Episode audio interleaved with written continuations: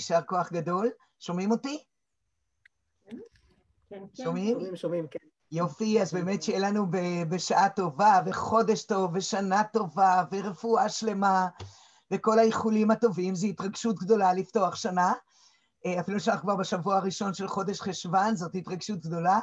כיף לי לראות כאן אה, כמה פרצופים אה, מוכרים ואהובים מהשיעורים הקודמים, ובאמת זה זכות, ואני שמחה ומודה לכל מי שהצטרף.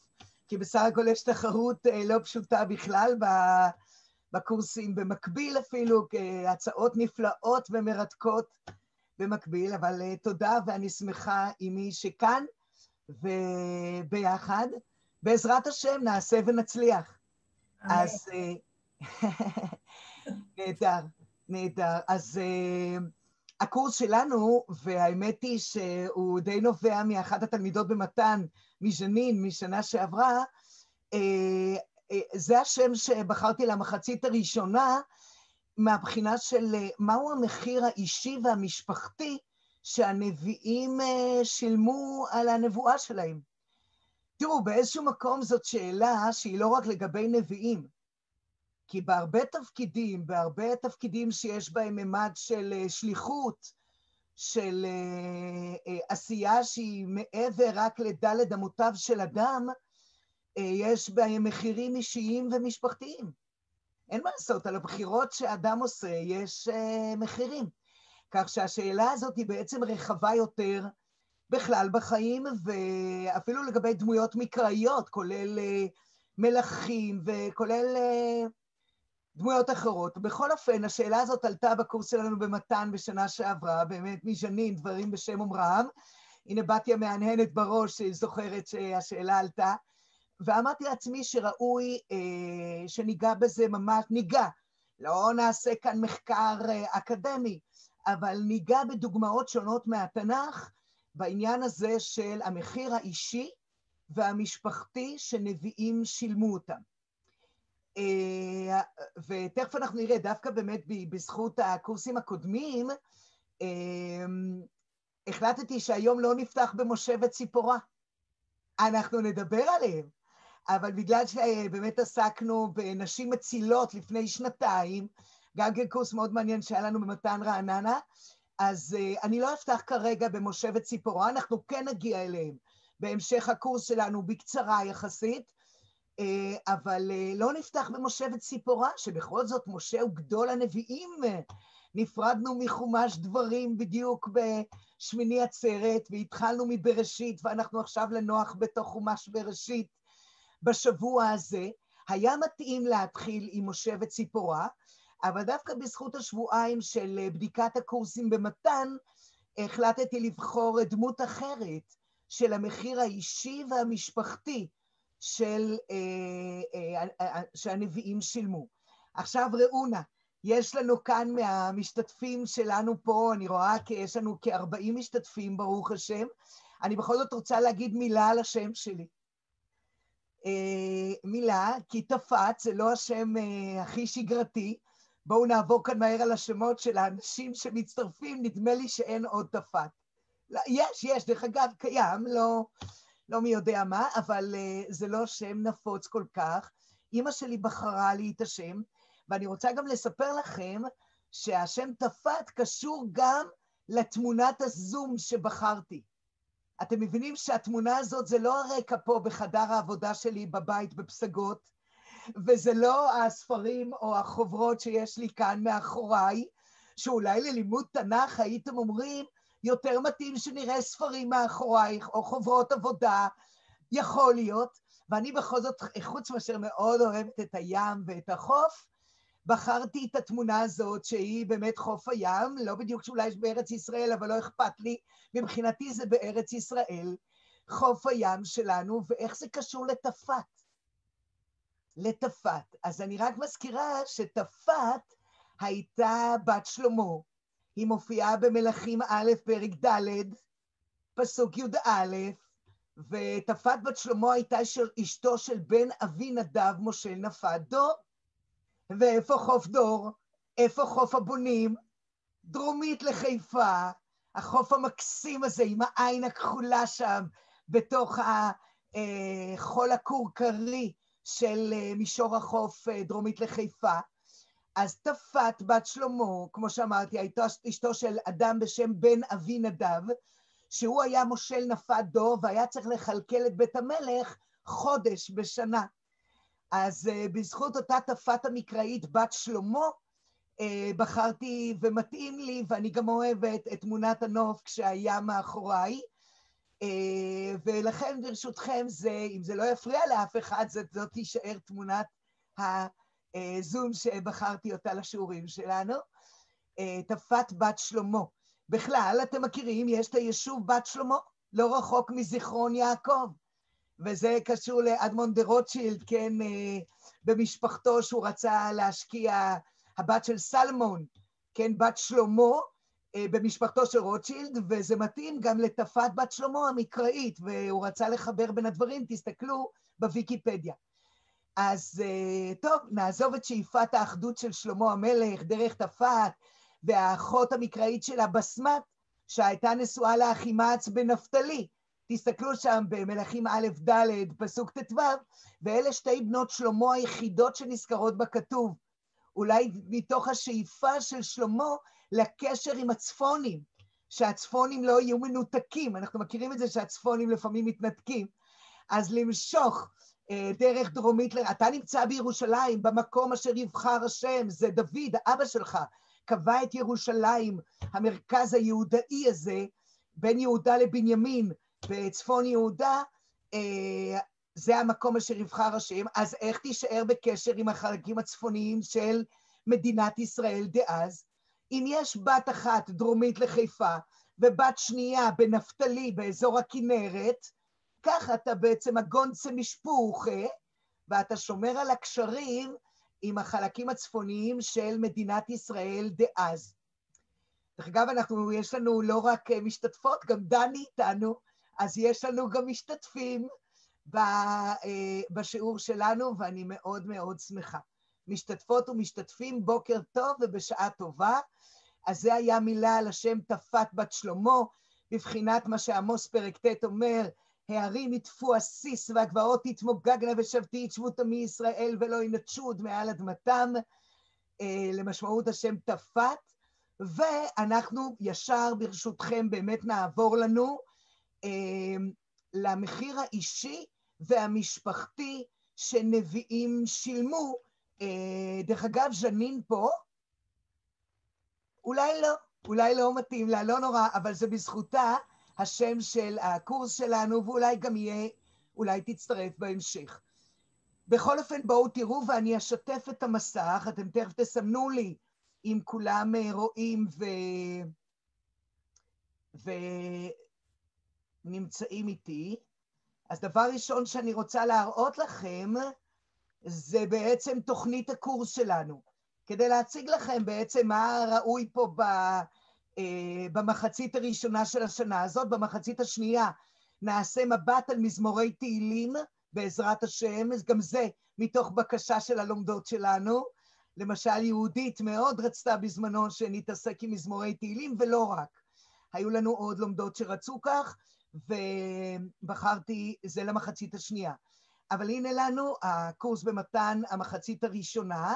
לקחתי כאן תמונה אולי אתם מכירים את הציירת הזאת, אהובה קליין, אני מאוד uh, אוהב את הציורי תנ"ך שלה, של אהובה קליין, אוהבת אה, לצייר הרבה מאוד סיפורי תנ"ך, בת דורנו, מאוד מעניין, אני אוהבת את הציורים שלה, אז הנה היא כתובה פה למטה, אהובה קליין, באמת זה בדיוק ציור כנראה של יתרו, המביא את אה, ציפורה ושני בניו או בניה אה, למשה שנמצא למרגלות הר סיני, שם במדבר, בפרשת יתרו, כך שבחרתי את התמונה הזאת כן לשקף אה, את העניין הזה שאנחנו רוצים לדבר עליו בקורס שלנו. אבל הנה לכם אה, כאן באותו סילבוס, וזה בדפי המקורות שאביגיל של מתן מעלה בצמוד להקלטה של השיעור. אז אתם רואים, בקורס אנחנו נלמד על המחיר המשפחתי, ולעיתים גם האישי ששילמו נביאי עם ישראל במהלך הדורות. דרך סיפורי התנ"ך עליהם, בעיקר התנ"ך, כמובן גם דרך המדרשים והפרשנות, אבל בעיקר דרך הכתוב, סיפורי התנ"ך, זה התחום שלי. אני אוהבת תנ"ך. עכשיו, נתחיל, והאמת שלא נתחיל, כי בדיוק אנחנו מיד אחרי השבועיים האלה נחזור למשה רבנו ונתייחס למשפחתו וגם לתלמידו יהושע. מה קורה עם יהושע? יש משפחה, אין משפחה, טיפה ניגע בזה, כי אם אין לנו בכתוב, אז לא נוכל להרחיב בדיון שלנו. נעבור לאלי ובניו, לשמואל ומשפחתו מצד אביו ואימו, וביחס לבניו, לפי עדות הכתוב בשמואל, וברשימות היחס בדברי הימים. והנה במה נתחיל היום. מבחינת תוכנית הקורס, רק אחרי שמואל, עלי ושמואל, היינו אמורים לעבור לדוגמה הזאת של מלכים א' י"ג, דמות אנונימית, דמות ללא שם, איש האלוקים שבא מיהודה לירובעם, מול זקן, מול נביא זקן בבית אל שיש לו בנים. הכתוב מדבר על הבנים של הזקן מבית אל.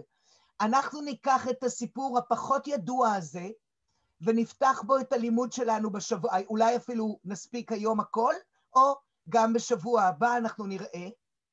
בכל אופן, בלימוד שלנו אנחנו נעבור לדברי הימים, כדי לבסס את הדרשה שכל, שאומר אה, אה, אולה במגילת ט"ו, כל מקום ששמו ושם אביו בנביאות, למשל, כולכם יודעים, ישעיהו בן אמוץ.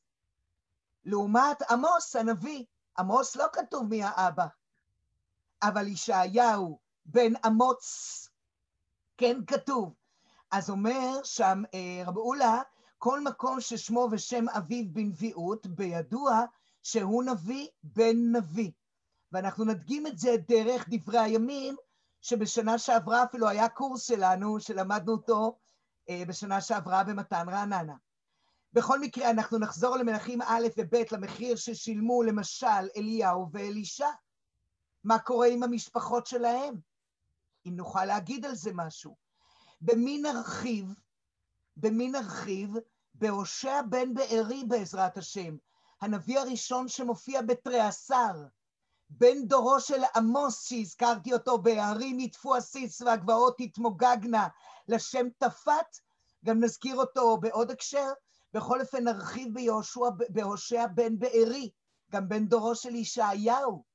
מה יש במשפחה שלו? לא יאמן, יש לו ציווי לקחת אשת זנונים. נביא לוקח אשת זנונים? מה זה? אני בכוונה רוצה ליצור לכם את המתח, כדי למשוך אתכן לשיעור שלנו, נכון? אני מודה בכנות, אבל זה התוכן בתנ"ך. הושע בן בארי, ואילו ילדים נולדו לו? מה השמות שלהם? יזרעאל, לא רוחמה ולא עמי? איזה מין ילדים, שמות של ילדים. וזה הראשון מספרי תריעשר בפרקים א' עד ג', וואו. בכל מקרה, אנחנו נקדיש התייחסות למשפחת הנביא ישעיהו. רגע, איזה נתונים יש לנו ישעיהו על המשפחה שלו? וכמובן מתבקש להשקיע במחירים הקשים של ירמיהו במשפחה שהוא הקים או לא הקים. ולמה? ונסיים, או שבעשרה בטבת, אולי זה לא יהיה סיום, כרונולוגית מבחינת הסיום, אשת יחזקאל. מה קורה איתה? אם יש לנו נתונים על אשתו של יחזקאל, איפה? אבל אני שוב אומרת לכם, זה קשור לעשרה בטבת באיזשהו אופן. ובאמת הסיום, ושוב השאלה איך אנחנו כמובן נתקדם לנו במשך הקורס, השאיפה שלי להגיע למשפחת הנביאה חולדה. חולדה הנביאה, בת דורו של ירמיהו, ובמקביל את צפניה שמופיע גם בתרי עשר, ואפילו יחזקאל שבגלות, שוב ארבעה נביאים באותו הפרק, ערב חורבן המקדש, מופיעה הנביאה חולדה במלכים ב'. האם יש לנו איזשהו נתון, ואתם מבינים שבכל זאת דמויות של נשים בתנ"ך אה, חשובות לי. הן חשובות לי במיוחד, אז אנחנו גם ננסה לגעת בה. ייתכן שיש עוד דוגמאות, אתם רואים את הסילבוס עם הצעות של אה, כישורים וכל מיני הרחבות, זה דף אה, שיהיה אצלכם, בלי התמונה, כי זה סתם לא יוצא כשמוציאים את זה בהדפסה. אבל uh, אביגיל מעלה את זה יחד עם ההקלטה של השיעור, כך שזאת התוכנית של הקורס בעזרת השם, עם הדוגמאות האלה. תראו, אפשר עוד. אפילו אם הזכרתי את הדמות הראשונה, משה רבנו, אז תקפוצנה פה חברות מהקורס ברעננה, ותגדנה, תגידי, איך את לא מכניסה את מרים? איך את לא מכניסה את מרים? אחותו של משה רבנו, גם הייתה נביאה, האם היא שילמה מחיר משפחתי על, על, על השליחות שלה? אבל התעסקנו בה הרבה בנשים מצילות, ולכן אני לא הכנסתי אותה לקורס שלנו. בכל אופן, אה, בכל זאת זאת שאלה חשובה. למשל, היא, היא, היא למשל דוגמה לדמות שהתנ"ך קורא לה נביאה, והיא לא נכנסה לקורס. אותו דבר אפילו במידה מסוימת דבורה נביאה. מה קורה עם המשפחה של דבורה? שגם היא הייתה בקורס שלנו בנשים מצילות. שלוי הרב דין שטיינזלץ בוודאי הייתה על המשפחה. עד שקמתי דבורה, עד שקמתי אם בישראל. האם היא מגדירה את עצמה כאימא? מה קורה אולי במשהו עם המשפחה שלה, למרות שהכתוב לא מפרט. אז אני רק מדגימה לכם שיש לנו עוד דמויות, ודווקא נשים, למשל, כמו מרים ודבורה, שלא הכנסתי אותם כאן. אולי אפילו עמוס, לא הכנסתי אותו, לא הכנסתי אותו בסילבוס, אבל יכול להיות שכן נכניס אותו אה, בלימוד שלנו בקורס. אז אתם מבינים, זה בסיס ללימוד שלנו, אני לא יכולה לומר שזה... אה, אני רק נאמנה לדבר הזה, למשל, כמו שאמרתי לגבי עמוס, אני כן חושבת שנכניס איזה פן משפחתי שלו, חוץ מהנקודה שכל שנזכר שמו ושם אביו, ואצל עמוס אין שם אביו. האם נוכל גם לראות משהו על המשפחה שלו, או על החיים האישיים שלו? זאת זווית שבדרך כלל לא מתייחסים אליה כשלומדים נבואה, ואנחנו כן נעשה אותה בקורס שלנו. אז קודם כל לגבי תוכנית הקורס, חברים, האם יש כאן אה, אה, שאלות? שאלות שמישהו מהקבוצה רוצה לשאול. לא להתבייש. חברים, אני כן רוצה ש... תראו, בדרך כלל רמקולים סגורים, כי זה עוזר לשמוע יותר טוב. אבל בפירוש... בק... כן. תפת, איך מקבלים את הדף הזה של הסילובוס? אה, איזה יופי, לינדה, שאת איתנו, אני כל כך שמחה. אה, אז, אז אביגיל, אביגיל תעלה את הדף הזה, בעזרת השם, יחד עם השיעור המוקלט. אוקיי, בסדר. כי זה, זה הכלל בשיעורים, משתדלים באמת במרכז של מתן להעלות את השיעורים המוקלטים כמו שחני, האחראית במתן uh, השומרון, אמרה, ויחד עם דפי העזר. בסדר? בכל אופן, ודאי שגם uh, למי שיש את המייל שלי, אני יכולה לשלוח גם במייל האישי, בלי שום בעיה. האמת שלכל השיעורים קיבלנו באימייל גם את הדפים. הבנתי. אה, קיבלתם את הדף הזה? לא. לא. אה, אולי בשיעורים אחרים, ויכול להיות איזה יופי. יש לנו כאן פרצופים מוכרים ונפלאים, וגם חדשים וכולם נהדרים. התגעגענו. כן, זה משמח אותי כל כך. אתם... לא- תשמעו, יש התרגשות גדולה, ואתה אף פעם לא יודע מה יהיה. והחיזוקים האלה שמקבלים מהאנשים הלומדים זה עצום. זו הודיה עצומה לקדוש ברוך הוא. אז תודה, תודה. נכון, אה, חיכינו לך, תפה. תודה, תודה. ברוך השם, אני מודה לקדוש ברוך הוא. אה, חברות וחברים, יכול להיות שזה שעוד לא קיבלתם ממתן את שני הדפים האלה של היום זה אשמתי. אני חשבתי שזה יעזור לאביגיל שאני לא אציף אותה כבר ביום ראשון, כי בטח יהיו לה הרבה דפים, ומקומות אחרים אמרו לי, תשלחי רק לפני השיעור, אבל באמת לאביגיל אני אשלח יומיים קודם, וכך עוד לפני השיעור יהיו לכם את דפי העזר. אז אני מתנצלת בפניכם, זה לא בעיה של אביגיל, אלא זו הייתה מחשבה מוטעית שלי. לא הייתה לי שום בעיה לשלוח את זה קודם. Uh, חברים, יופי. אז uh, אנחנו נחזור לשיתוף המסך ונתחיל בדמות האנונימית הזאת, ונבדוק את המחיר האישי, קודם כל האישי, כי לא תמיד זה המשפחתי, אבל המחיר האישי שהדמות המיוחדת הזאת שילמה, ודרכה נלמד גם משהו על הנבואה. אז אנחנו שוב נחזור לשיתוף המסך. הנה, אנחנו בשיתוף המסך, רגע.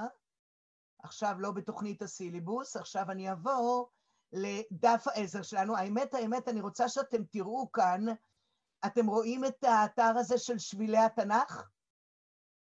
אתר התנ"ך של שבילי דת, הנה אני אראה לכם אותו. אה, אני משתמשת בו הרבה, אה, מי שזוכר בשיעורי הזום, ואפילו לא רק בשיעורי הזום. בשיעורים, אני הרבה פעמים משתמשת בו גם בשיעורים רגילים, אפילו פנים אל פנים. אני רוצה שתכירו אותו. אה, אפילו תוך כדי, במקביל לשיעור שלנו, למישהו יותר נוח מאשר לפתוח תנ"ך, אפילו שהדפים של התנ"ך, אה, אה, אין כמו הדפים של התנ"ך, אבל בכל זאת, למישהו יותר נוח, פה באתר דעת, אתם רואים מכללת הרצוג, אתר דעת בשבילי התנ"ך, אני מאוד מאוד אוהבת להשתמש באתר הזה, הוא נוח לי. הנה למשל מלכים א', ישר פותחים, פרק י"ג, למשל הוא לא מסמן את פרשות השבוע, וזה חיסרון. אלא לפי הפרקים הנוצריים.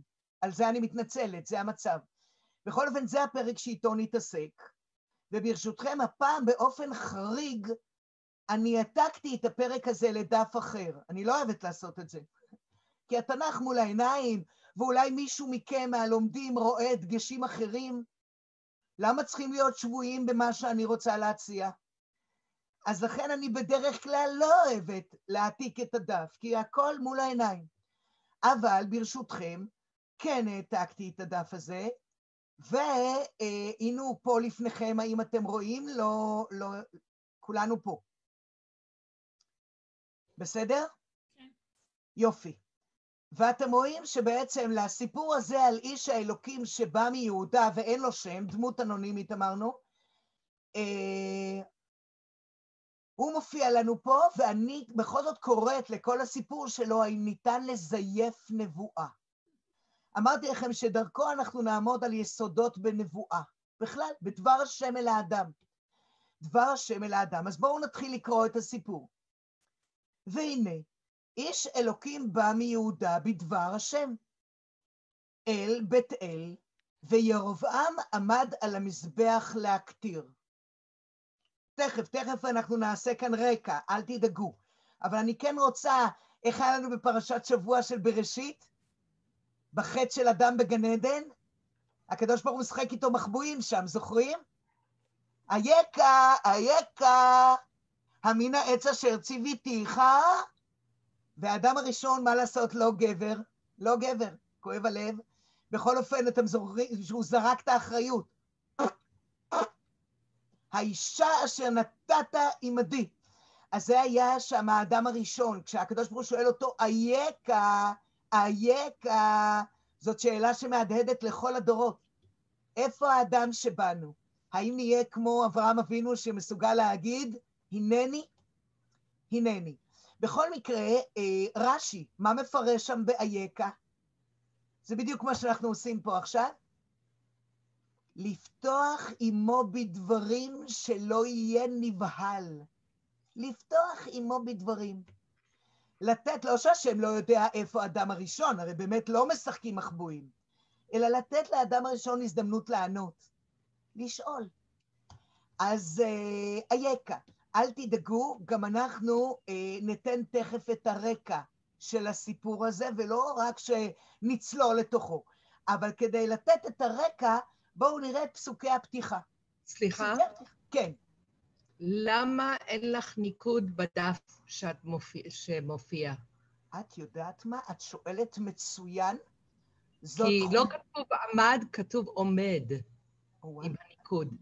תקשיבו, זה... אה, תזכירי לי את שמך, אני רחל הלר ברנשטיין. הלר. איזה רחל. יופי. רחל. רחל, רחל, אימא של דינה. אימא של דינה, איזה יופי, רחל. תודה לך. הנה, רחל מחזקת, מאוד יפה, שבעצם אולי בכל זאת עדיף לקרוא את הסיפור במקור שלו. בסדר. אני חוזרת בי אל המקור. מלכים א' י"ג עם הניקוד כדי לדייק בהקראה. ואת אומרת לא לפספס, כי הנה את בדקת בתנ"ך במקביל. תודה רבה לך, רחל. נהדר. כיפה קיי. נהדר. אז למרות ההדגשים, אחר כך אנחנו נעמוד על ההדגשים, ואנחנו עושים בדיוק מה שרחל אמרה עכשיו. יפה, אז שוב, אני קוראת, ואל תדאגו, אנחנו גם ניצור את הרקע. והנה, אתם רואות שהסיפור הזה פותח בהפתעה. והנה, זאת מילת הפתעה. והנה, איש אלוקים בא מיהודה בדבר השם אל בית אל, בית אל לא רחוק ממני, אני גרה בפסגות, בפסגות, ממש אה, פה דרך ציר הזבל, אנחנו נוסעים לבית אל, שש, שבע, פחות מעשר דקות אני בבית אל. אה, אשרי הדור.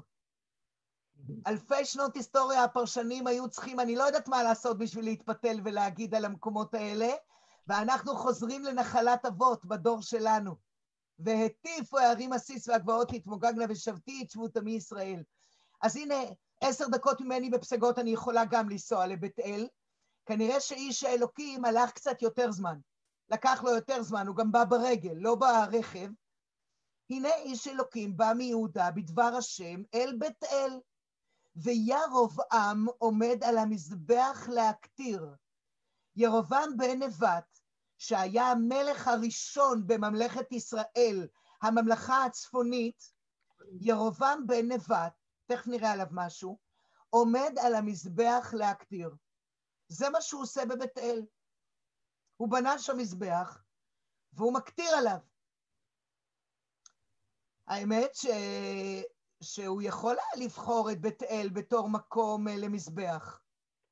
למה זה יפה שירובעם בוחר את בית אל למקום של מזבח? ולהקטיר להשם. זה לא להקטיר לעבודה זרה, זה להקטיר להשם.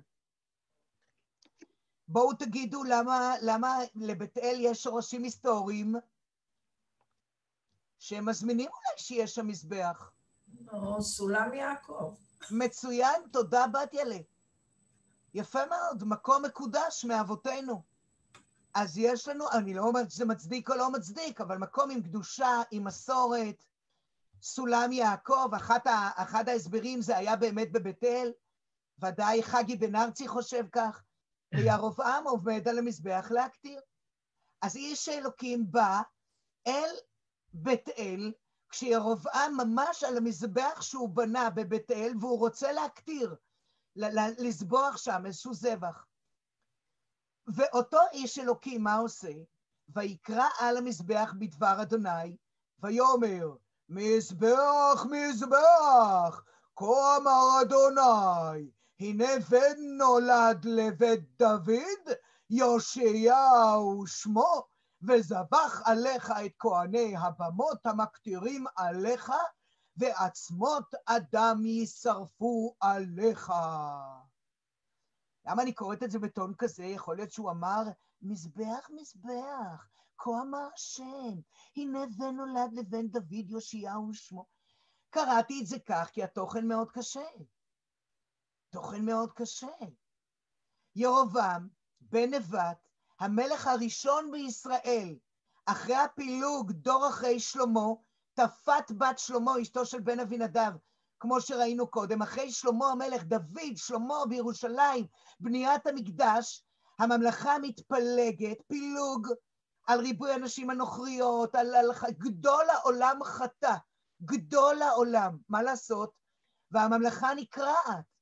ממלכת ישראל בצפון וממלכת יהודה ובית דוד בדרום, ו, אה, ובא איש האלוקים מיהודה לממלכת ישראל ונותן ביקורת. והוא אומר לרובעם, תקשיב, בדבר השם, כה אמר השם, יבוא בן לבית דוד, אתה יודע מה, הוא עוד לא יודע, הם עוד לא יודעים, זה עוד 300 שנה. 300 שנה ייקח עד שיאשיהו, המלך הצדיק שבימיו נמצא ספר התורה, והקורס שלנו עתיד להסתיים איתו. חולדה הנביאה הייתה בימי יאשיהו, מלך יהודה, המלך הצדיק, 300 שנה אחרי ירובעם, וזה מדהים, זו נבואה מאוד מיוחדת. פרופסור אליצור אה, חידד באחד המאמרים שלו את הנקודה הזאת, שהנבואה אומרת איך ייקרא המלך בעוד 300 שנה. זה משהו מאוד מיוחד שצריך לימוד. לא עכשיו.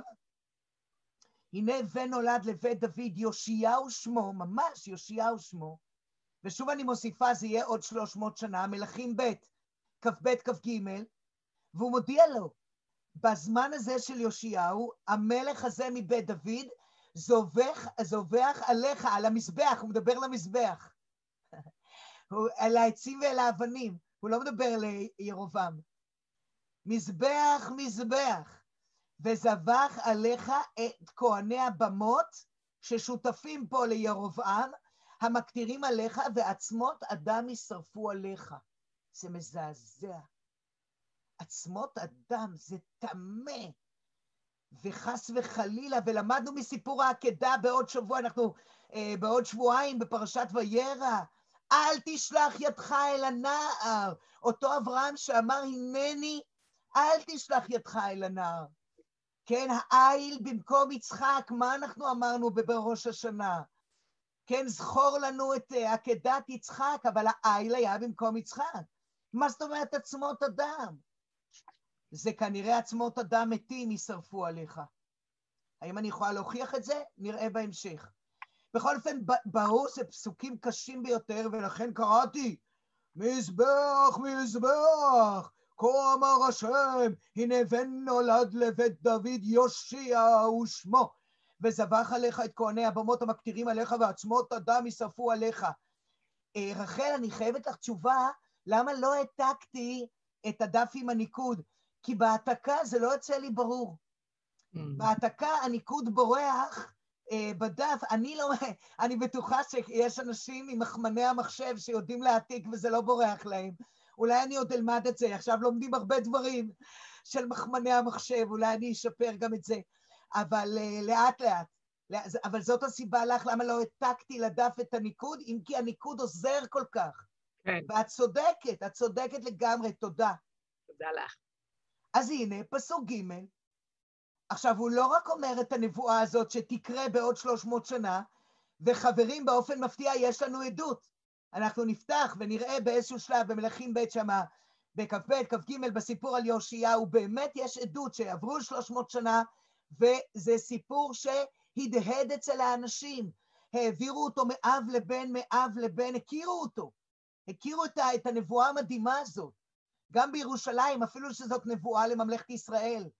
האם היה קשר, והנביאים, למרות שיש ממלכת ישראל, ממלכת יהודה, הנבואה היא אח, אחת, והנבואה לא רוצה להתפלג, נחשוב על זה.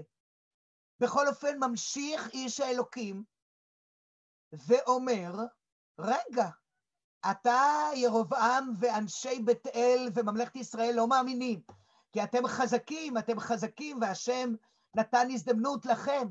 אבל תדעו לכם שנתן ביום ההוא מופת, לאמור, זה המופת אשר דיבר השם, הנה המזבח נקרע ונשפך הדשן אשר עליו. וזה מעניין הפסוק הזה, כי מה זה ונתן ביום ההוא מופת? מתי זה יקרה? בימי יאשיהו? אז המופת לא רלוונטי עכשיו. והרי בסך הכל הם לא רוצים להאמין שזה יקרה עוד 300 שנה, אז כנראה מתי זה ביום ההוא? זה כנראה עכשיו. ובכל אופן זה גם ביטוי מיוחד, כי בדרך כלל ביום ההוא זה כן תיאור מאוחר יותר ועתידי, אבל עצם הרעיון של המופת, שאמור לקרות ביום ההוא, והחיזוק הזה של ללמד שמה שקורה עכשיו, הוא עדות לעובדה שבעוד 300 שנה יהיה טומאת המזבח הזה, וביום ההוא, באותו יום מופת לאמור, זה המופת אשר דיבר השם, דיבר השם, תראו דבר השם, זה ממש ביטוי מנחה, אני מוכיחה את זה בדף העזר, הנה המזבח נקרע, הנה, הנה, הנה, ונשפך הדשן אשר עליו, ויהי שמוע המלך, מי זה המלך? אנחנו יודעים, ירובעם, ירובעם, את דבר איש האלוהים אשר קרא על המזבח בבית אל, וישלח ירובעם את ידו מעל המזבח לאמור, תארו לך, תדמיינו את הסיטואציה, תסריטו לכם את זה בראש. המלך עומד על המזבח להקטיר, רגע, חברים, איך מתנהג המלך הזה? ממתי מלך עומד על המזבח להקטיר? אמרנו זה להקטיר להשם, זה לא לעבודה זרה. בעצם המלך הזה מתנהג כמו מי? מי, מי אמור להקטיר על מזבח? כמו כהן. שימו לב, זה מלך שמתנהג כמו כהן. אז המלך הזה, ירובעם, שנמצא על המזבח להקטיר, מתנהג כמו כהן, אה, שולח את ידו מעל המזבח, יש שם איזשהו כבש, וכמובן בגובה, לאמור, תפסו, תפסו. וגם המלך הזה משלם מחיר אישי. ומה קורה ליד של המלך? ותיבש ידו, אשר שלח עליו. אז היד שלו מתייבשת, זה מזכיר לכם מישהו מדמויות התנ"ך? שמתייבשת ידו, משהו כמו איזה, אני יודעת מה, איזה סוג של צרעת, סוג של נמק. משה. משה? האם משה במעמד הסנה? וואלה, זה מחמאה לירובעם שאת נזכרת במשה. זה מחמאה לירובעם. לגמרי מחמאה. בכל אופן, ותיבש ידו, אשר שלח עליו כנגד איש האלוקים, הנה הקדוש ברוך הוא מגן על איש האלוקים, ומה עוד לא יכול המלך עם היד הזאת שלו? ולא יכול להשיבה אליו. נתקעה לו היד. תדמיינו, תסריטו לעצמכם את זה בראש, את הסיטואציה. משהו לא שגרתי שמתואר פה בתנ"ך. ומה קרה למזבח? מה שמחזק שביום ההוא זה היה באותו יום. תראו, פסוק ה', והמזבח נקרע. נאחל לירובעם שהוא היה באיזשהו צד בטוח, ולא שהוא היה באותה נקודה שבו זה נקרע, כי אז יזכיר לנו את קורח. שהוא ממש נופל שם, בום, בום. בכל אופן, המזבח נקרע, זה גם ביטוי מאוד מיוחד למזבח, מתפרק, וישפך הדשן מן המזבח כמופת אשר נתן איש האלוקים בדבר השם.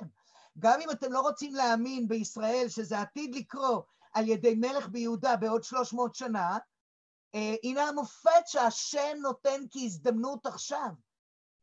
טוב, הקדוש ברוך הוא נותן הזדמנויות למי שמגיע, לא למי שלא מגיע. והנה כבר הייתה אסוציאציה שחברה אמרה פה, רק שנייה, זה קצת מזכיר את משה אפילו במעמד הסנה. כן, עם הצרעת שם של היד, שהוציא לשון הרע אולי על ישראל, אבל בכל זאת היה פה איזשהו משהו, והקדוש ברוך הוא מגן על איש האלוקים שבא מיהודה. וירובעם לא יכול להחזיר את היד חזרה. משום מה לכתוב חשוב להדגיש את זה. מה, זה לא היה מספיק כתוב, ותיבש ידו אשר שלח עליו? אתם מרגישים שיש כאן איתור בכתוב. ולא יכול להשיבה אליו את היד. למה הכתוב מדגיש את זה? נראה, אולי נראה בהמשך. ויען המלך, ויאמר אל איש האלוהים, חל נא את פני השם אלוקיך, ויתפלל בעדי, ותשוב ידי אליי. מה אתם אומרים? מה קרה לאותו מלך שרצה, בום, לתפוס את איש ה... וגם אומר לאנשים לידו, תפסו, מה אתם אומרים? זה בסדר שאני קוראת את זה כך בעדינות עכשיו? חל נא את פני אדוני אלוהיך ויתפלל בעדי ותשוב ידי אליי, ויכל איש האלוהים את פני אדוני ותשוב יד המלך אליו, ותהי כבראשונה. מה אתם אומרים? הוא התחנן וזה כמו פרעה לפני משה. יפה. איזה יופי שכבר רצים לאסוציאציות. נהדר. חל נא את פני השם אלוקיך ויתפלל בעדי, אבל עכשיו זה כבר בנימה מבקשת, בנימה מתחננת, זה לא תפסו! הוא עצמו שינה זווית, הוא מבין, יש פה כוחות אה, על-אנושיים, זה משהו אלוקי. חלה את פני השם אלוקיך, הנה נביא מייצג, השם אלוקיך, והתפלל בעדי, זה באמת גם תפקיד של נביא. אתם זוכרים עם אברהם ואבימלך? פעם ראשונה שהמילה נביא נכתבה בתנ"ך, אומר השם לאבימלך בחלום הלילה שוב, פרשת וירא. כן, כי נביא הוא ויתפלל בעדך וחיה. הנה תפקיד נביא, לא רק למסור את דבר השם, להפך, אפילו פעם ראשונה, ולהתפלל בעדי. אז הנה עכשיו את תזכר כל כך יפה את מה שפרעה מבקש ממשה רבנו, מקסים. האם במשפחת משה גם יהיה מישהו שיבקש ממשה להתפלל? כי תהיה הכרה בעובדה שהוא באמת משה הוא... אהרון ביקש שהוא יתפלל בשביל מרים. תודה רבה. אז מזכיר לנו מצד אחד את פרעה, שמבקש ממשה להציל אותו שם מהמכות, מצד שני, אהרון, אהרון אחיו של משה רבנו, שאומר, אה, מיד כשמרים נעשית שם מצורעת במדבר, בפרשת בעלותך, בפרק י"ב, ובמדבר, נכון? שאומר שם, אל נא תהי כמת אשר בצאתו מרחם אמו, ויאכל חצי בשרו, אל נא, אל נא, אה, אחינו משה, בבקשה, בבקשה, ומיד משה אל נא רפא לה. כן, שיהיה לרפואת כל החולים שלנו, כן יהי רצון. אל נא רפא לה. אז זה מעניין ש... אבל משה רבינו, ועכשיו מי מושווה כאן למשה? מקודם ראינו שאולי ירבעם אה, הכתוב, יש כאן איזו אסוציאציה, זה לא מספיק, זה לא מספיק, אסוציאציה אחת זה לא מספיק, אבל בכל זאת, הזכיר לנו משהו, את ירבעם כמשה במעמד הסנה, אמנם לא על צד חיובי, אלא ותיבש ידו צד הצרעת, ועכשיו מי מזכיר לנו את משה רבנו? בין, בין אם מול פרעה, או בין אם מול אפילו האחים שלו, אהרון ומרים, מי עכשיו נעשה כמשה רבנו? והתפלל בעדי. למי המלך פונה? איש. אל איש האלוקים. איש האלוקים הנביא הזה, שנקרא פה איש האלוקים, איש האלוקים שבא מיהודה, הוא נותן ביקורת יהודאית לממלכת הצפון. למה לא נביא מישראל? רגע, לא היה נביא בישראל שהיה יכול לתת את הביקורת הזאת? מי היה הנביא שתמך בירבעם? אנחנו אפילו מכירים אותו בשמו.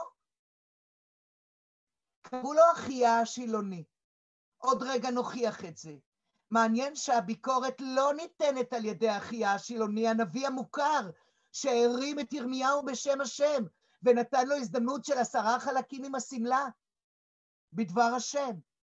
אלא משום האיש אלוקים שבא מיהודה, ואתם רואים שעכשיו איש האלוקים הוא זה שמזכיר לנו את משה רבנו. כי המלך מבקש ממנו ויתפלל בעדי, ותשוב ידי אליי. אני לא יכול עם היד התקועה הזאת, איזה פדיחה. זה אולי גם כואב, אבל זה פדיחה. ויכל איש האלוקים את פני השם, באמת איש האלוקים כמו משה רבנו, אל נא לה, לא כתוב תוכן התפילה, לא משנה, ויכל, חל נא, תתפלל, אה, את פני השם, ותשוב יד המלך אליו. שוב, אתם רואים, זה כל כך חשוב, ולא יכול להשיבה אליו. וכאן כתוב, ותשוב ידי אליי, ותשוב יד המלך אליו, ותהי כבראשונה. והיד הזאת, השליחות יד, יד שמסמלת את העוצמה, והתייבשה והצטרעה לרגע, חוזרת ונעשית כבראשונה, בזכות איש האלוקים. עכשיו תראו, אני רגע אחד לא, אני רק רוצה להקדים את המאוחר כדי להוכיח שיש כאן מחיר אישי. בינתיים מה ראינו? האם אה, איש האלוקים שבא מיהודה נפגע או לא נפגע? איש האלוקים העז להגיד ביקורת, הוא, הוא, זה ודאי שזה סכנה להגיד ביקורת בממלכת ישראל על ממלכת ישראל, לדבר אל המזבח, לא לדבר אל המלך אפילו.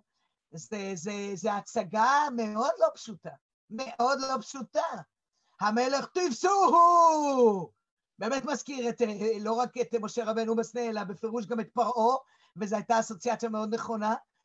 ו, ובכל זאת, המלך משתנה קצת, או אני לא בטוחה שהוא משתנה, הוא רוצה שהיד שלו תשתנה, הוא רוצה שהיד שלו תשתנה, אז הוא משנה את זווית ההסתכלות, מבקש מהאיש הזה, מאיש אלוקים שבא מיהודה תפילה, כי הוא מבין שיש לו כוחות, היד שלו חוזרת, אולי אתם יודעים מה, לרגע בכל זאת אנחנו נמשיך עוד שני פסוקים, אה, וידבר המלך אל איש האלוקים, בוא איתי הביתה וסעדה, ואתנה לך מתת. בכל זאת המלך שבהתחלה אמר תפסוהו, מה רוצה עכשיו לתת לא, לאיש האלוקים? מתנה. מתנה, תשלום. גם הוא מבין שאתה לא יכול לקבל מתנת שמיים כזאת בלי משהו. בוא איתי הביתה וסעדה, ואת, כן, בוא תסעד איתי ואתנה לך מתת, מתנה. עכשיו, יש עוד רעיון? חוץ מאשר לשלם לו על החזרת היד שהצטרעה או שהתייבשה, האם למישהו יש עוד רעיון למה הוא ירצה לתת לו מתנה? אם אנחנו אומרים שהמתנה היא בעצם רק על היד שחזרה, ואנחנו לא בטוח שבאמת פה ירבעם משתנה, לא בטוח, ממש לא. אז אה, אולי למה הוא עוד ירצה לתת לו מתת? אני אתן לך מתנה, או אני אתן לך מתנה, זה אפילו אולי משכורת קבועה. אולי הוא רוצה שהוא יהיה נביא החצר שלו. מצוין. רעיון נפלא. האם הוא מזמין אותו להיות חצ... נביא החצר שלו? וואלה, אתה אדם עם כוחות. אתה אמרת מזבח, רציתי לתפוס אותך, אני נענשתי, אתה בעצם התפללת להשם וידי שבה אליי כבראשונה, אולי כדאי להעביר אותך לצד שלי? אז זה לא רק שכר על ש... קודם, ודרך אגב, כך היה בעולם הקדום. נביאי חצר, כמו שבתיה הזכירה, באמת הם נביאים ש... אה, הם נביאים כאלה ששילמו להם כסף, שיגידו מה שהמלך רוצה. מקסימום אמרו כמה נהלים פולחניים כאלה או אחרים, אבל אה, ביקורת למלך זה המצאת התנ"ך. משרד מבקר המדינה צריך להבין את זה, זה רעיון שנולד מדברי קודשנו בלבד. הרעיון הזה שאפשר לתת ביקורת למלך, זה לא נתפס. בעולם הקדום זה לא נתפס בכלל. אז באמת, וידבר המלך אל איש האלוקים, בא איתי הביתה וסעדה ואתנה לך מתת, זה כמובן קודם כל להכיר טובה, וירובעם באמת רוצה להגיד תודה על היד שחוזרת אליו עם כל הסמליות של העוצמה של היד, אה, ואולי באמת להעביר אותו לצד שלו, לזכור את שירותיו. והאם אפשר לזייף נבואה? האם באמת אפשר להעביר את הנבואה לצד שלו? מה עונה לו על זה איש האלוקים? ויאמר איש האלוקים אל המלך, אם תיתן לי את חצי ביתך או ביתך, לא אבוא עמך, ולא אוכל לחם, ולא אשתה מים במקום הזה. כי עוד פסוק, כי כן ציווה אותי בדבר אדוני לאמור, לא תאכל לחם, ולא תשתה מים, ולא תשוב בדרך אשר הלכת. גם התשובה הזאת היא לא מחמאה למלך. המלך אומר, בוא אליי הביתה, וסעדה, ואתנה לך מתת, ואיש האלוקים שבא מיהודה אומר לא תודה. לא תודה. אבל לא רק שהוא אומר לא תודה, אלא מסתבר שמה מתגלה לנו עכשיו, זה לא נאמר בתחילת הפרק. בתחילת הפרק, בהנה איש האלוקים, באה המטרה המרכזית שלו. לומר לירבעם, הדרך שלך שקרית, הדרך שלך תלוית זמן, ואנחנו יודעים שעוד 300 שנה כל הרעיון של מזבח בית אל עומד להיפסק. עכשיו, הוא לא ידע אם זה יהיה עוד 300 שנה או 50 שנה או 25 שנה, הוא לא ידע. אנחנו יודעים שזה לקח 300 שנה, אבל הדרך שלך שקרית והיא הולכת להיפסק. ואפילו היה פה מופת שהמזבח נקרע והדשא נשפך, אבל הנביא ניצל והמלך כמעט שילם פה מחיר.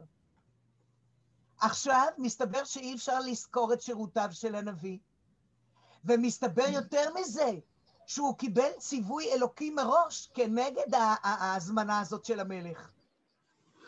שאולי כמו שאת... מה?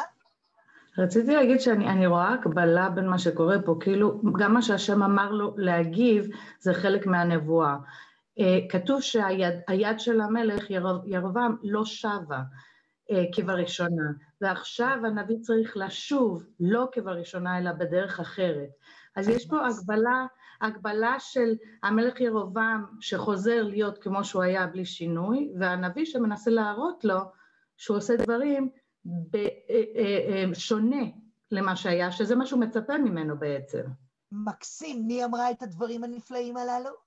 לאה. לאה.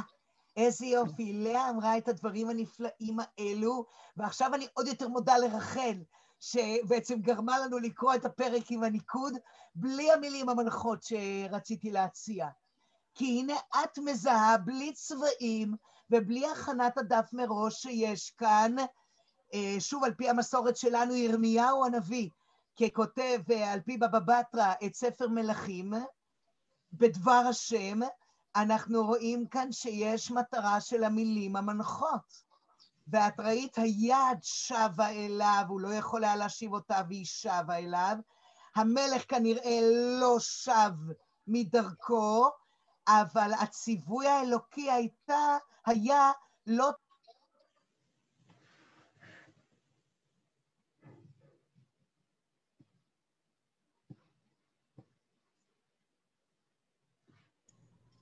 לא שומעים אותך. הלו? לא רואים. לא רואים, לא שומעים.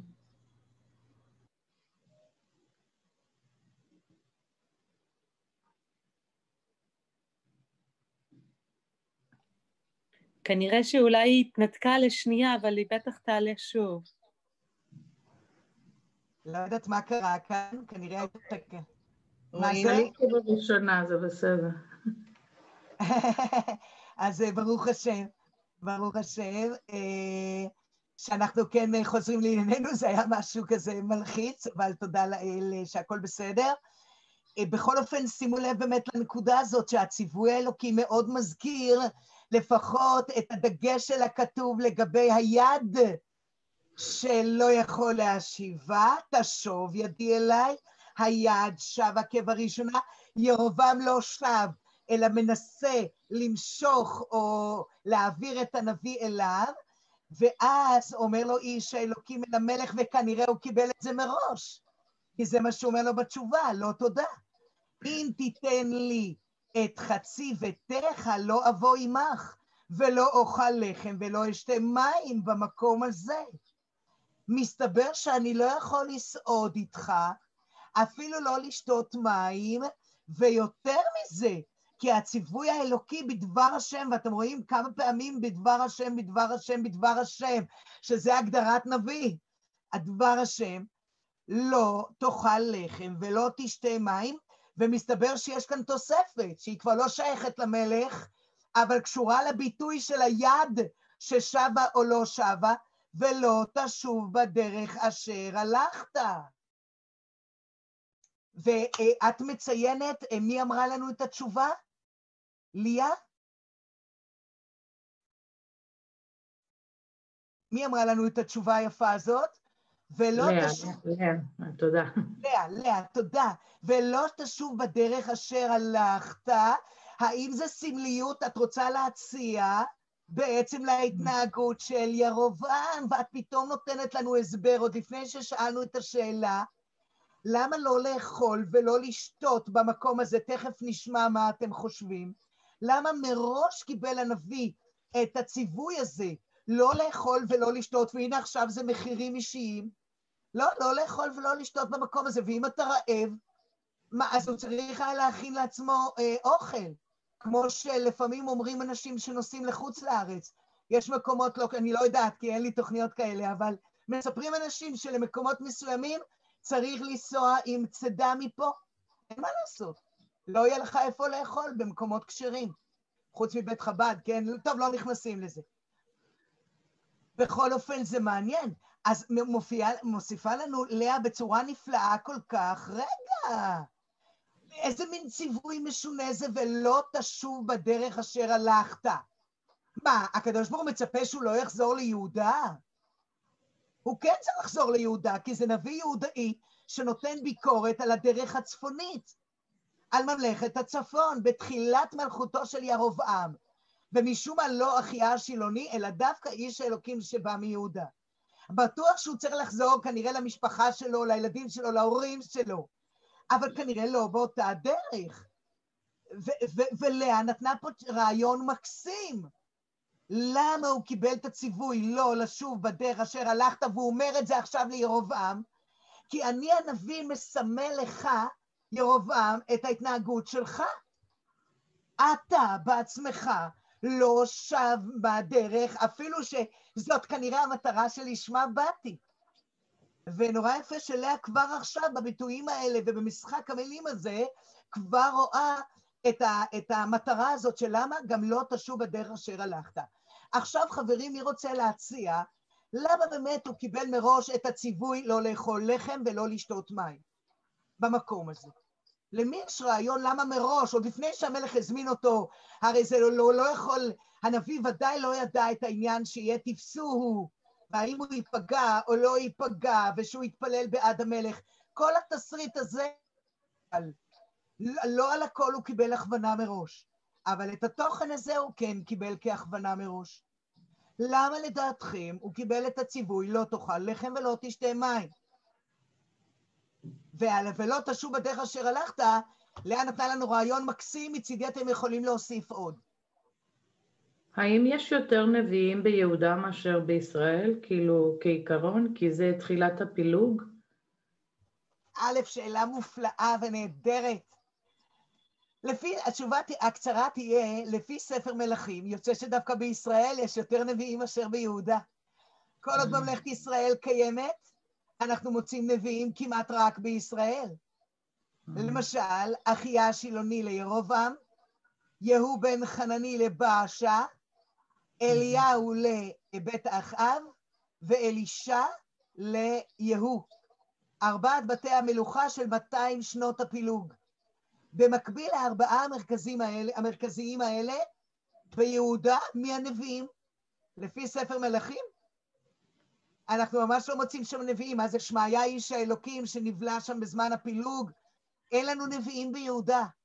זה כאילו דווקא נבואה ניתנה, הייתי אומרת, בשנות הפילוג לישראל, ואחרי הפילוג, כשבעצם ממלכת ישראל חרבה, ובמלכים ב' פרק י"ח אנחנו שומעים על חזקיהו מלך יהודה, שאוסף אפילו את נפלטי עשרת השבטים, ומי שמכיר את החומה הרחבה של נחמן אביגד בירושלים שנה אחרי ששת הימים, שהוא גילה שם את החומה הרחבה, בונה החומה והמגדל, מי שמכיר שם ברובע היהודי, אה, אז כנראה ירושלים מאוד מתרחבת מחורבנה של ישראל, ורק אצל חזקיהו מוציאים בספר מלכים את ישעיהו הנביא, שאומר לו גם במלחמה מול סנחרי וגם במחלה שלו, צב לביתך כי מת אתה.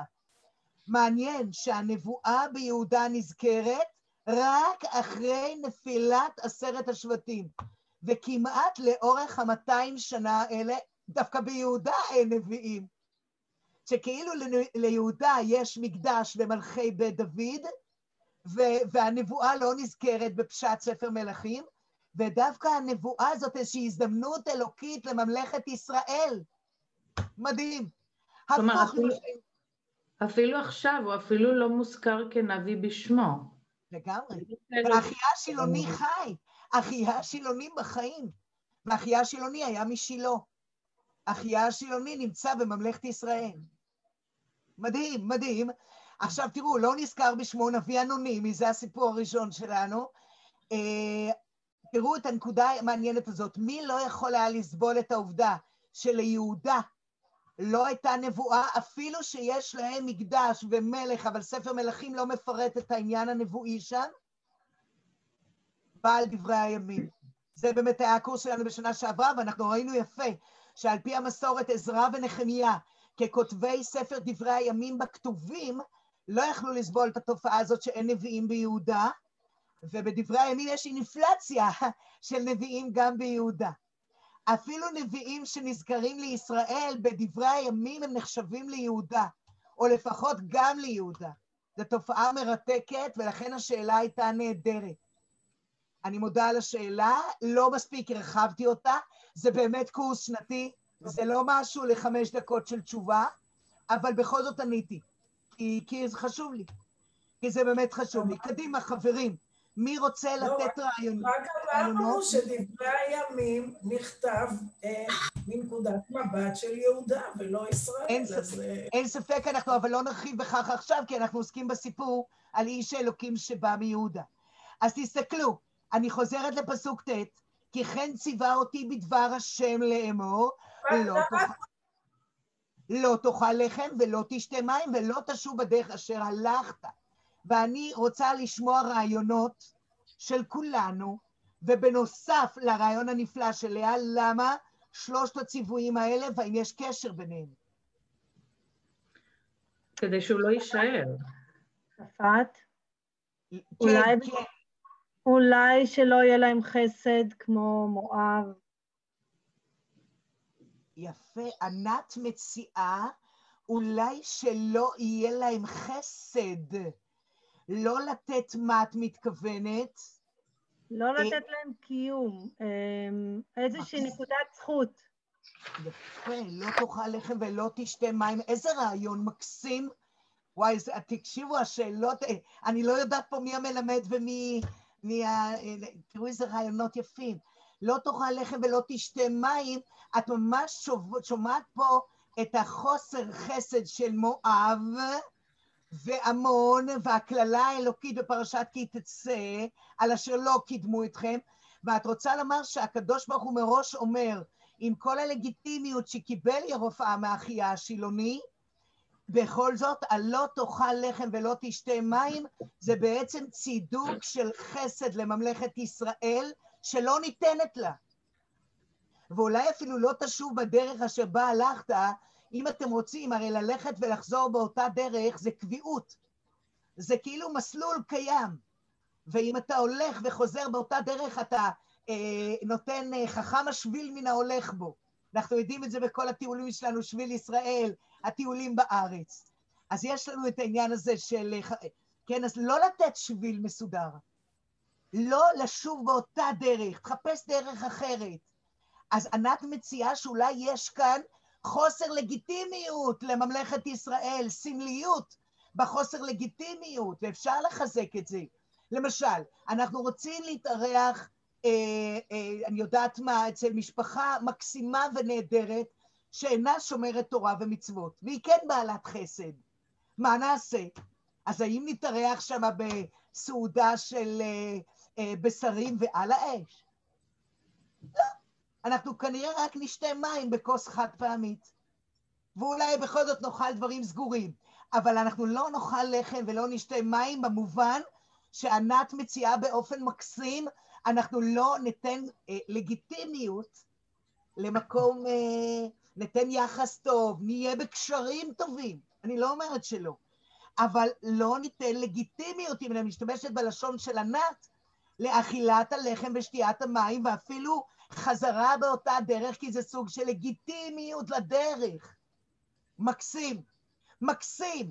מי רוצה לתת אולי עוד רעיון? למה לא לאכול לחם ולא לשתות מים? אולי פחות לחזור באותה דרך.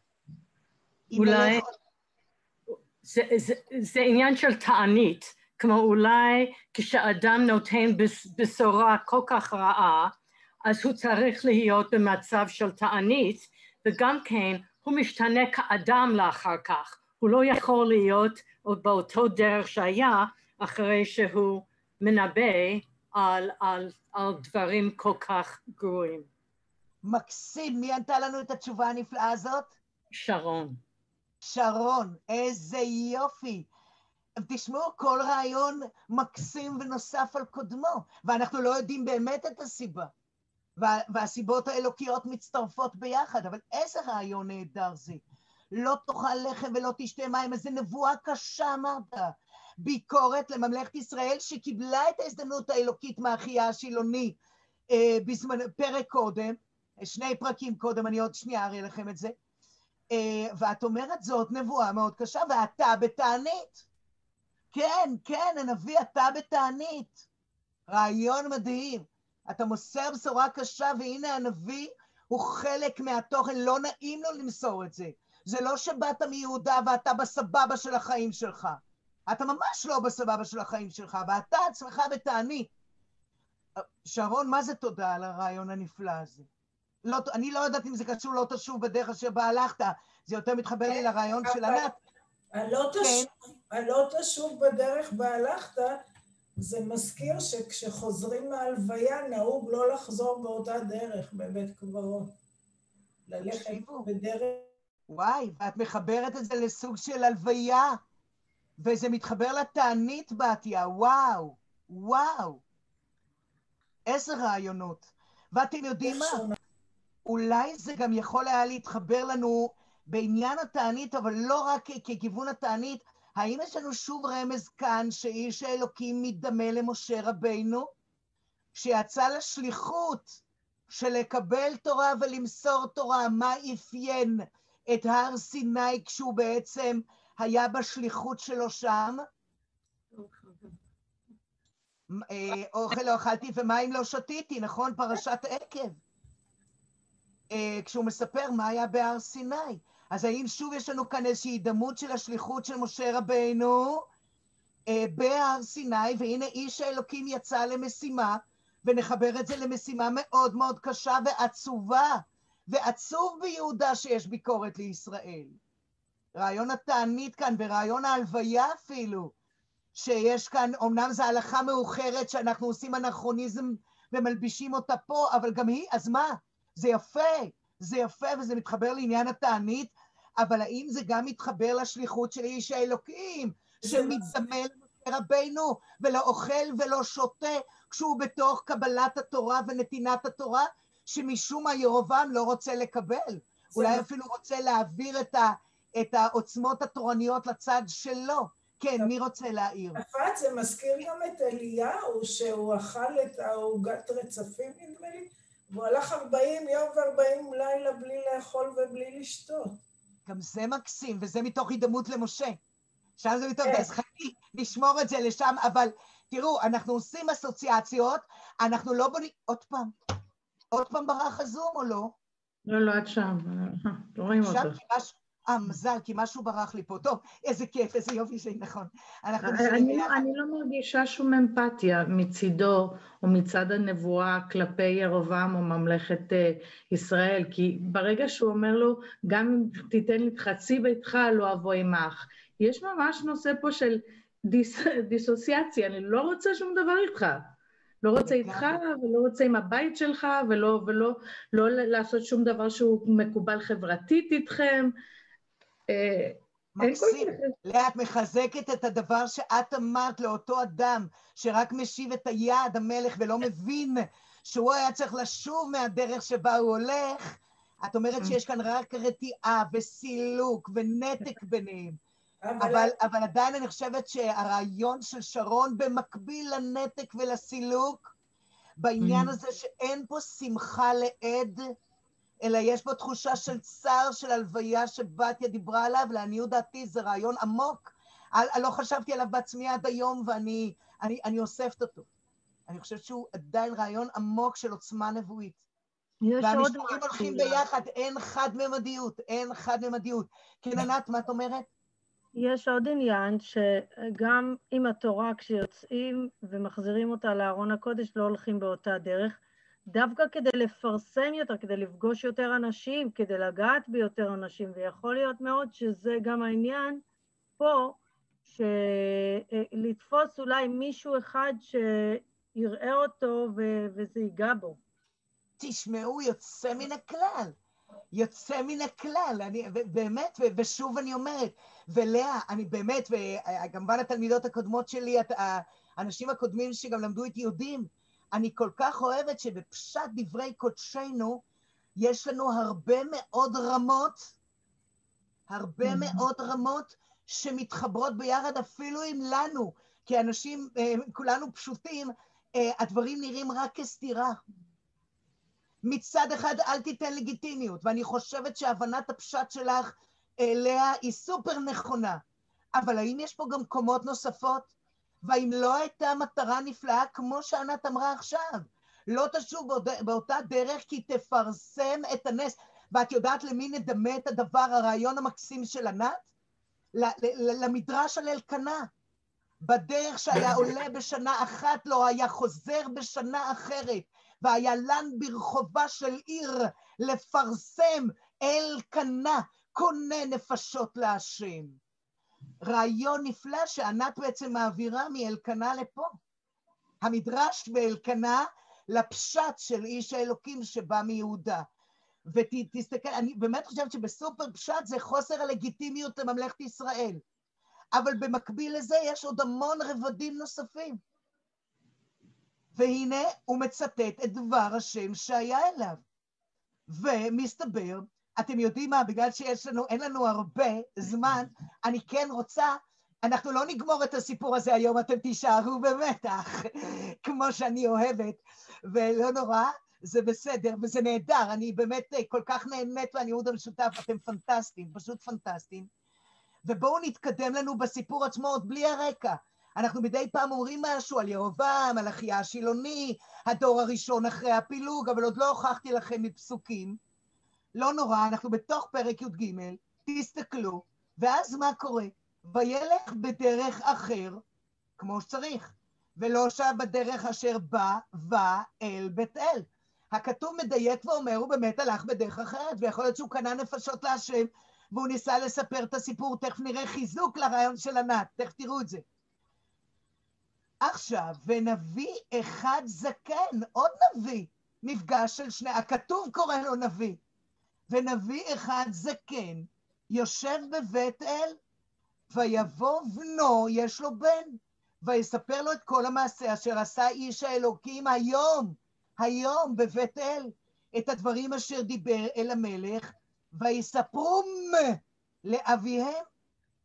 אז יש כאן בן, ויש כאן בנים, והמעשה הזה שהיה בבית אל, והמזבח שנקרע, והדשן שנשפך, ובוא אליי הביתה, והוא לא יבוא הביתה, והוא לא יאכל. תראו מה שקורה פה. באים לנביא הזקן שיושב בבית אל, הכוונה היא באזור בית אל, זה יכול להיות אפילו בפסגות, לך תדע איפה, ויבוא בנו ויספר לו, וואי, זה עושה רושם. ואולי הוא אפילו פגש את איש האלוקים אם נלך ברעיון של ענת. וידבר עליהם אביהם, איזה הדרך הלך? ויראו בניו את הדרך, זה מעניין ויראו ולא ויראו. מבחינה לשונית, אולי יש פה מישהו שבקיא יותר. וידבר עליהם אביהם, איזה הדרך הלך? הוא שואל אותם. אז תגידו, אז באיזה דרך? ויראו בניו את הדרך, עושה רושם שאולי נפגשו איתו. אשר הלך איש האלוקים אשר בא מיהודה. תראו כמה הכתוב מתפתל ולא אומר את שמו. כי הרי זה נורא מבלבל, כשאת קוראת את זה לבד זה מבלבל, קוראים את זה לבד זה מבלבל. איזה הדרך הלך? זה אבא שואל אותם. ואז ויראו בניו את הדרך אשר הלך איש האלוקים אשר בא מיהודה. ויאמר אל בניו, חיבשו לי החמור. הזקן מבית אל מבקש, חיבשו לי החמור. למה זה חשוב? למה זה חשוב? חיבשו לי החמור.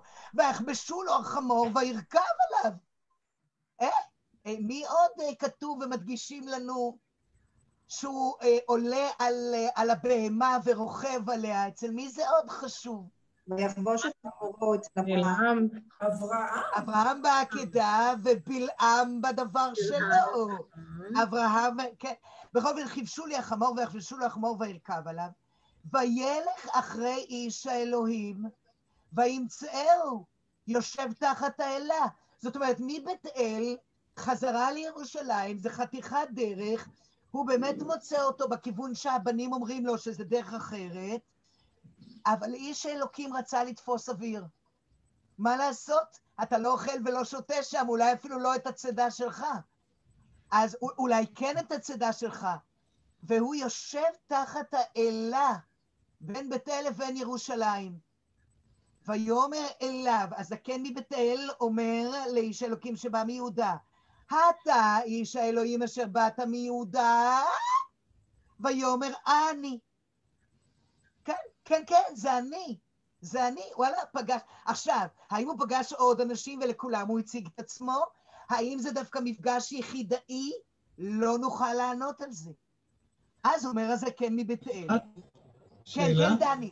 כן, דני, בבקשה. רציתי לשאול מה ההבדל בין איש אלוהים ונביא, אבל אחר כך עלה לי רעיון, אולי זה רק להפריד ביניהם, כי הם שניהם בעילום שם. אז... מעולה. תראו, זה בכלל דבר נפלא מה שקרה פה. דני שואל את השאלה וגם עונה את התשובה, וזה פנטסטי. זה הכי יפה שיכול להיות, כי השאלה יש לה מקום, ולכתוב חשוב להדגיש דמויות אנונימיות ללא שמות, העיקר הסיפור פה, ולא מי זה היה, ובמקביל אחיה השילוני הנביא שניבא לירבעם עוד חי. אז למה זה איש אלוקים שבא מיהודה? ואם יש זקן מבית אל, למה לא קוראים לו בשמו? אבל מציע דני כל כך יפה בפשט, שהכתוב קורא לנביא הזקן בצורה הזאת, ולא איש אלוקים, רק כדי שקודם כל נפריד ביניהם. ובכל זאת הדרגה היותר גבוהה זה איש אלוקים. יש לו שם. סליחה. תפת, יש לו שם. איפה? דע מאין באת ולאן אתה הולך. הוא בא מאת השם, הוא בא מיהודה, הוא- זה גם מסר ל- לישראל, מקסים. באתם, נפרדתם מהשם, תבואו ליהודה, זה השם שלי, אני קורא לכם. מקסים, ואת אומרת כל כולו מתבטל נוכח שליחותו, מקסים, נהדר, כיפקי, אבל עדיין, עדיין הדני צודק. יש פה דמויות אנונימיות עם כל הסמליות והרעיון שבדבר, והאם התשובה הראשונה, למה זה נקרא הנביא הזקן מבית אל, בעצם היא כדי להפריד ביניהם, וזאת יופי של תשובת פשט, מקסים. פעם הבאה אנחנו גם נקפוץ טיפה לפרשנות, אבל בסדר. בכל אופן, אז הוא אומר לו, ויאמר אליו, לך איתי הביתה ואכול לחם. בוא איתי הביתה ואכול לחם. עכשיו, אם למלך הוא אמר לו, מה הייתם מצפים שהוא יגיד לזקן מבית אל? שכן? למה? אם השם אמר, לא תאכל לחם, פסוק ט', ולא תשתה מים, ולא תשוב בדרך אשר הלכת,